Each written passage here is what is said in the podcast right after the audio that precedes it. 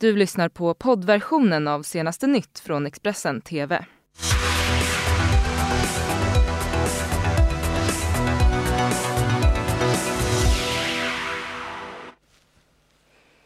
god morgon, ni tittar på senaste nytt eh, med mig Johanna Gräns och det är den första mars dessutom söndag. Och eh, här kommer ni nu få en nyhetsuppdatering. Vi tar en titt på morgonens huvudrubriker.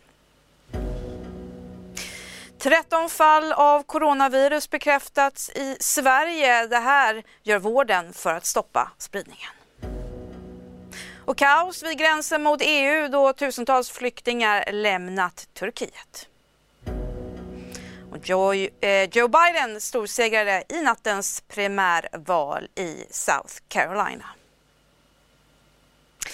Men vi ska börja med att rapportera om ett nattklubbsbråk eh, i Göteborg. Vi kan säga att eh, gårdagskvällen var eh, ovanligt stökig där. Eh, polisen som sagt fick rycka ut flera gånger. Dessutom fick en polis flera slag mot huvudet eh, på eh, den här nattklubben på Avenyn där ett bråk alltså med eh, cirka 15 eh, tal personer eh, hade utbrutit. En man är nu gripen misstänkt för den misshandeln. Ja, vi ska till USA för i natt svensk tid, ja då gick väljarna i sydstaten South Carolina i USA till val och det är den fjärde delstaten nu i ordningen som deltar i processen att vaska fram vem av demokraternas eh, presidentkandidater som ska bli utmanare till Donald Trump i presidentvalet i november.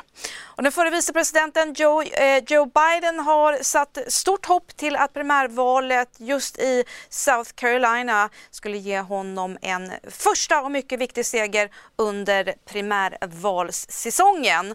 Och efter att vallokalerna stängt tyder allt nu på att eh, eh, Biden tagit fram, eh, dragit ifrån eh, sina eh, motståndare rejält då han fick omkring hälften av rösterna. You could launch a candidacy. You, you launched Bill Clinton, Barack Obama to the presidency.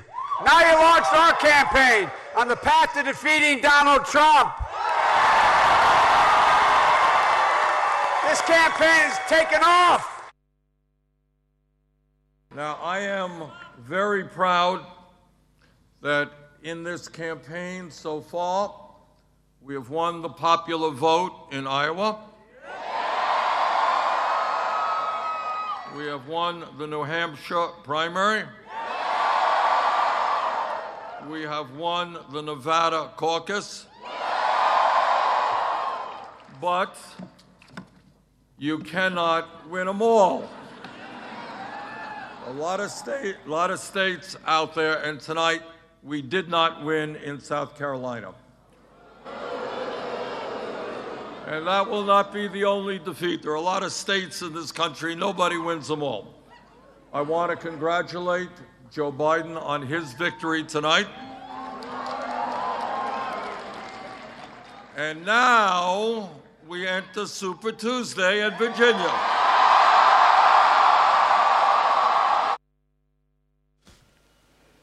Mm, now I say welcome to CNN's reporter uh, Daryl Forges. Uh, welcome to the show.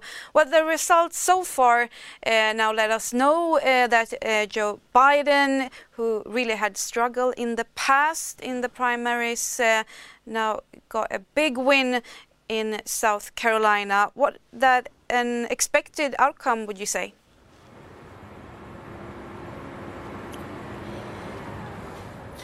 Uh, Joanna, when it comes to the situation, not really. I mean, Joe Biden called uh, South Carolina his firewall because he was really hoping to depend on the African American vote, which is 60% of the Democratic electorate here in the Palmetto State. But Joe Biden really needed, needed this victory after a tough showing in the Iowa caucuses, as well as a tough showing in New Hampshire and a second place finish in Nevada. So he really needed to come up big big victory here in South Carolina. With that victory now, he moves into second place in the delegates count.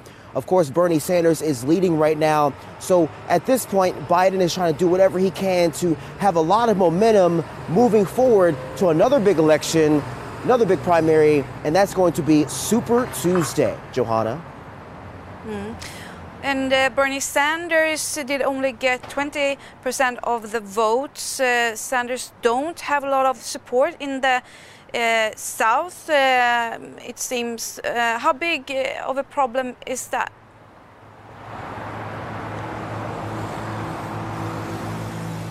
Well, he's still ahead in the delegates count because of what he's done in Iowa and New Hampshire and Nevada. But when it comes to the situation here, he had a lot of things against him when it comes to endorsements. Joe Biden got the endorsement of Congressman Jim Clyburn, who is considered a big deal here in the Palmetto State, a legend, and also deemed a keymaker when it comes to picking an endorsement. He endorsed Barack Obama, he endorsed Hillary Clinton. So you saw how those candidates did by eventually getting the Democratic nomination. So Bernie really didn't have a, a too much of a strong chance according to the polls. Biden was leading consistently in those polls. So it was all about seeing how the actual polls of people voting would show up and do for Biden, and they showed out in droves and strong for Biden. So, but for Sanders, his whole focus now is moving towards Super Tuesday and states like California, where he's looking to be way ahead. And another state to look out for is Massachusetts, where right now in the latest poll, he's ahead by eight points ahead of Elizabeth Warren. And mind you, Massachusetts is Elizabeth Warren's home state. So that's going to be a very interesting state to look at towards Super Tuesday. Mm. Do we expect uh, any candidates to now drop out of the race uh, then after Super Tuesday, would you say?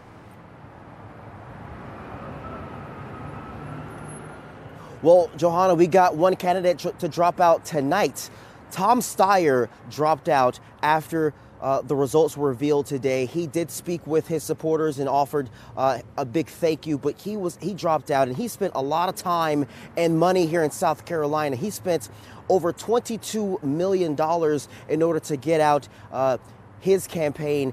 A lot of time, a lot of investment in here, but unfortunately, he came up short with a third place finish so far, looking at the final standing. So Tom Steyer is out, but looking forward to Super Tuesday. If a lot of candidates don't come up big in those uh, delegates count, there's a possibility we could see the uh, the field dwindle just a little bit, especially with Bernie Sanders being as ahead as he is, and uh, Joe Biden now has some steam rolling ahead, some momentum moving into Super Tuesday with this big victory in South Carolina. So it's going to be very interesting to see exactly how things will unfold for the other candidates heading into the next primary. Thank you so much, uh, Daryl Forges, for being here on the show with us. Nu eh, så ska vi bege oss till Washington där vår eh, utrikeskorrespondent eh, Thomas Kvarnkullen eh, befinner sig. Ja, jordskredsseger alltså för Biden ser ut som. Eh, men är det tillräckligt nu för att komma igen? Ja, det är lite tid, för tidigt att säga om det räcker. Det, vi ska komma ihåg att det är fortfarande ganska tidigt i primärvalssäsongen men eh, det är helt klart så att det var precis det här Joe Biden behövde efter eh, tre besvikelser i de tre första delstaterna. Han behövde verkligen den här vinsten i South Carolina och den eh, var ju lite större än vad man kanske hade räknat med och det ger nu Joe Biden en eh, energiinjektion i, i kampanjen som han mycket väl behöver för att kampanjen har, eh, har fallit tillbaka lite grann och eh, man har inte heller jättemycket pengar och det förväntar man sig också att man kommer få in eh, mer donationer efter Eh, efter framgångarna i South Carolina. Eh, och så är det ju så att eh, Joe Biden också knappar in lite grann på Bernie Sanders i antalet delegater. Men vi ska komma ihåg att under Super Tuesday, supertisdagen på tisdag, då är det ju två stora delstater som delar ut väldigt många delegater. Det är Kalifornien och Texas. Och där så leder Bernie Sanders i opinionsmätningarna så det kan bli tufft för Joe Biden. Mm.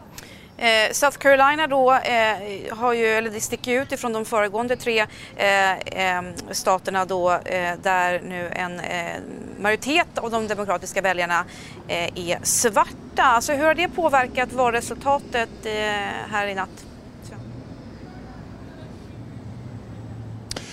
Ja, det ska man säga att det var eh, ganska väntat att eh, Joe Biden skulle vinna just av den anledningen. Eh, afroamerikanska väljargruppen har sedan länge stått eh, bakom Joe Biden. Eh, han har fått eh, en eh, känd framstående kongressledamot i South Carolina, en afroamerikansk kongressledamot som ställde sig bakom honom och stöttade honom tidigare i veckan. Och det är många som har sagt att de har lyssnat just på honom när de har fattat sitt beslut om vem de ska rösta på. Joe Biden också Barack Obamas vicepresident under två perioder. Så att det har absolut påverkat. Och det som är många tittar på och som är intressant är att det här är första gången vi också nu ser hur den här väljargruppen röstar. Det har vi inte kunnat göra i de tidigare eh, delstaterna som har röstat för det återstår eh, flera eh, stater där väljargruppen är stor och som kan ge lite en hint om vartåt det barkar framöver.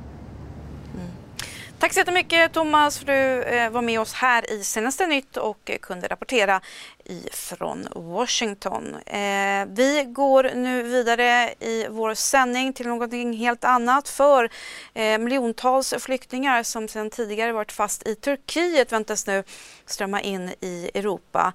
Det här efter att Turkiets president Erdogan beslutat att öppna landets gräns mot Grekland. Ingenmansland gränsen mellan Grekland och Turkiet. Den grekiska polisen skjuter tårgas mot de tusentals migranter som samlats i hopp om att ta sig in i Europa. Sammandrabbningarna inträffar efter att Turkiets president Recep Tayyip Erdogan bekräftat att han öppnar landets gräns mot Grekland och inte längre stoppar flyktingar som vill ta sig till EU. Beslutet kommer efter att minst 33 turkiska soldater dödats i ett luftangrepp i Idlib-provinsen i Syrien i torsdags. Tusentals migranter har sedan dess samlats i ingenmanslandet mellan Grekland och Turkiet. Han har ju under en längre period hotat mer eller mindre med att göra detta för att få EUs eh, uppmärksamhet. Man kan väl det å ena sidan beskriva det som ett ganska cyniskt spel där de här syriska flyktingarna som nu finns i Turkiet eh, används som brickor, ett försök att, att påverka e- EUs ledare att uppmärksamma den flyktingkatastrof som eh, är i vardande i Syrien och eh, där Turkiet vill ha mer stöd från eh, Nato och från EU. Eh, Grekland har efter beslutet skärpt sina gränskontroller både till havs och på land. På lördagsförmiddagen eskalerade situationen vid gränsen när flyktingarna drabbade samman med de grekiska säkerhetsstyrkorna. Runt 3,6 miljoner syriska flyktingar befinner sig i Turkiet sedan tidigare och många av dem väntas nu strömma över gränsen till Europa. 2015 sökte drygt 163 000 migranter asyl i Sverige. Och frågan är nu hur rustat Sverige egentligen är om en liknande situation infinner sig igen. Vi är väl på ett sätt bättre rustade för att veta vad vi kan göra åt situationen vid vår gräns eftersom vi nu vet om att det här med att stänga Öresundsbron var väldigt effektivt förra gången. Så den här gången vet vi att börjar det komma väldigt många så har vi den kranen som sannolikt kommer att fungera och vrida på en gång till om vi vill göra det. Vi byter ämne. Det ska handla om en av de stora nyheterna runt om i världen just nu. Det handlar om coronaviruset och sammanlagt har nu eh, 13 svenskar insjuknat i viruset och den senaste konstaterades på lördagskvällen i Stockholm. En ung person i eh, 20-årsåldern som har koppling till det första fallet i region i onsdags. Det var en en person som sagt som sjuknade med luftvägssymptom, feber, hosta. Så att det är vårt fjärde fall vi har hittat genom aktiv smittspårning. Så lät det kort efter att ytterligare ett fall av coronaviruset konstaterats, det trettonde i ordningen. Den nya personen har koppling till det första fallet som bekräftades i Stockholm tidigare i veckan, en medelålders kvinna som varit i Iran. Patienten har nu isolerats på Karolinska Universitetssjukhusets infektionsklinik. Precis som våra rutiner är och eh, man, man går igenom vilka kontakter som har förekommit och man gör en värdering om, om bedöms som närkontakter. För då ska de få information och eh, om de sedan insjuknar med eh, typiska symptom, luftvägsinfektion, så hänvisas de vid 1177 till eh, vården för ytterligare provtagning. Så att... Du har lyssnat på poddversionen av senaste nytt från Expressen TV. Till förordnad ansvarig utgivare är Klas Granström. Ett poddtips från Podplay. I fallen jag aldrig glömmer djupdyker Hasse Aro i arbetet bakom några av Sveriges mest uppseendeväckande brottsutredningar. Går vi in med hemlig telefonavlyssning och, och då upplever vi att vi får en total förändring av hans beteende. Vad är det som händer nu? Vem är det som läcker? Och så säger han att jag är kriminell, jag har varit kriminell i hela mitt liv men att mörda ett barn, där går min gräns. Nya säsongen av Fallen jag aldrig glömmer på Podplay.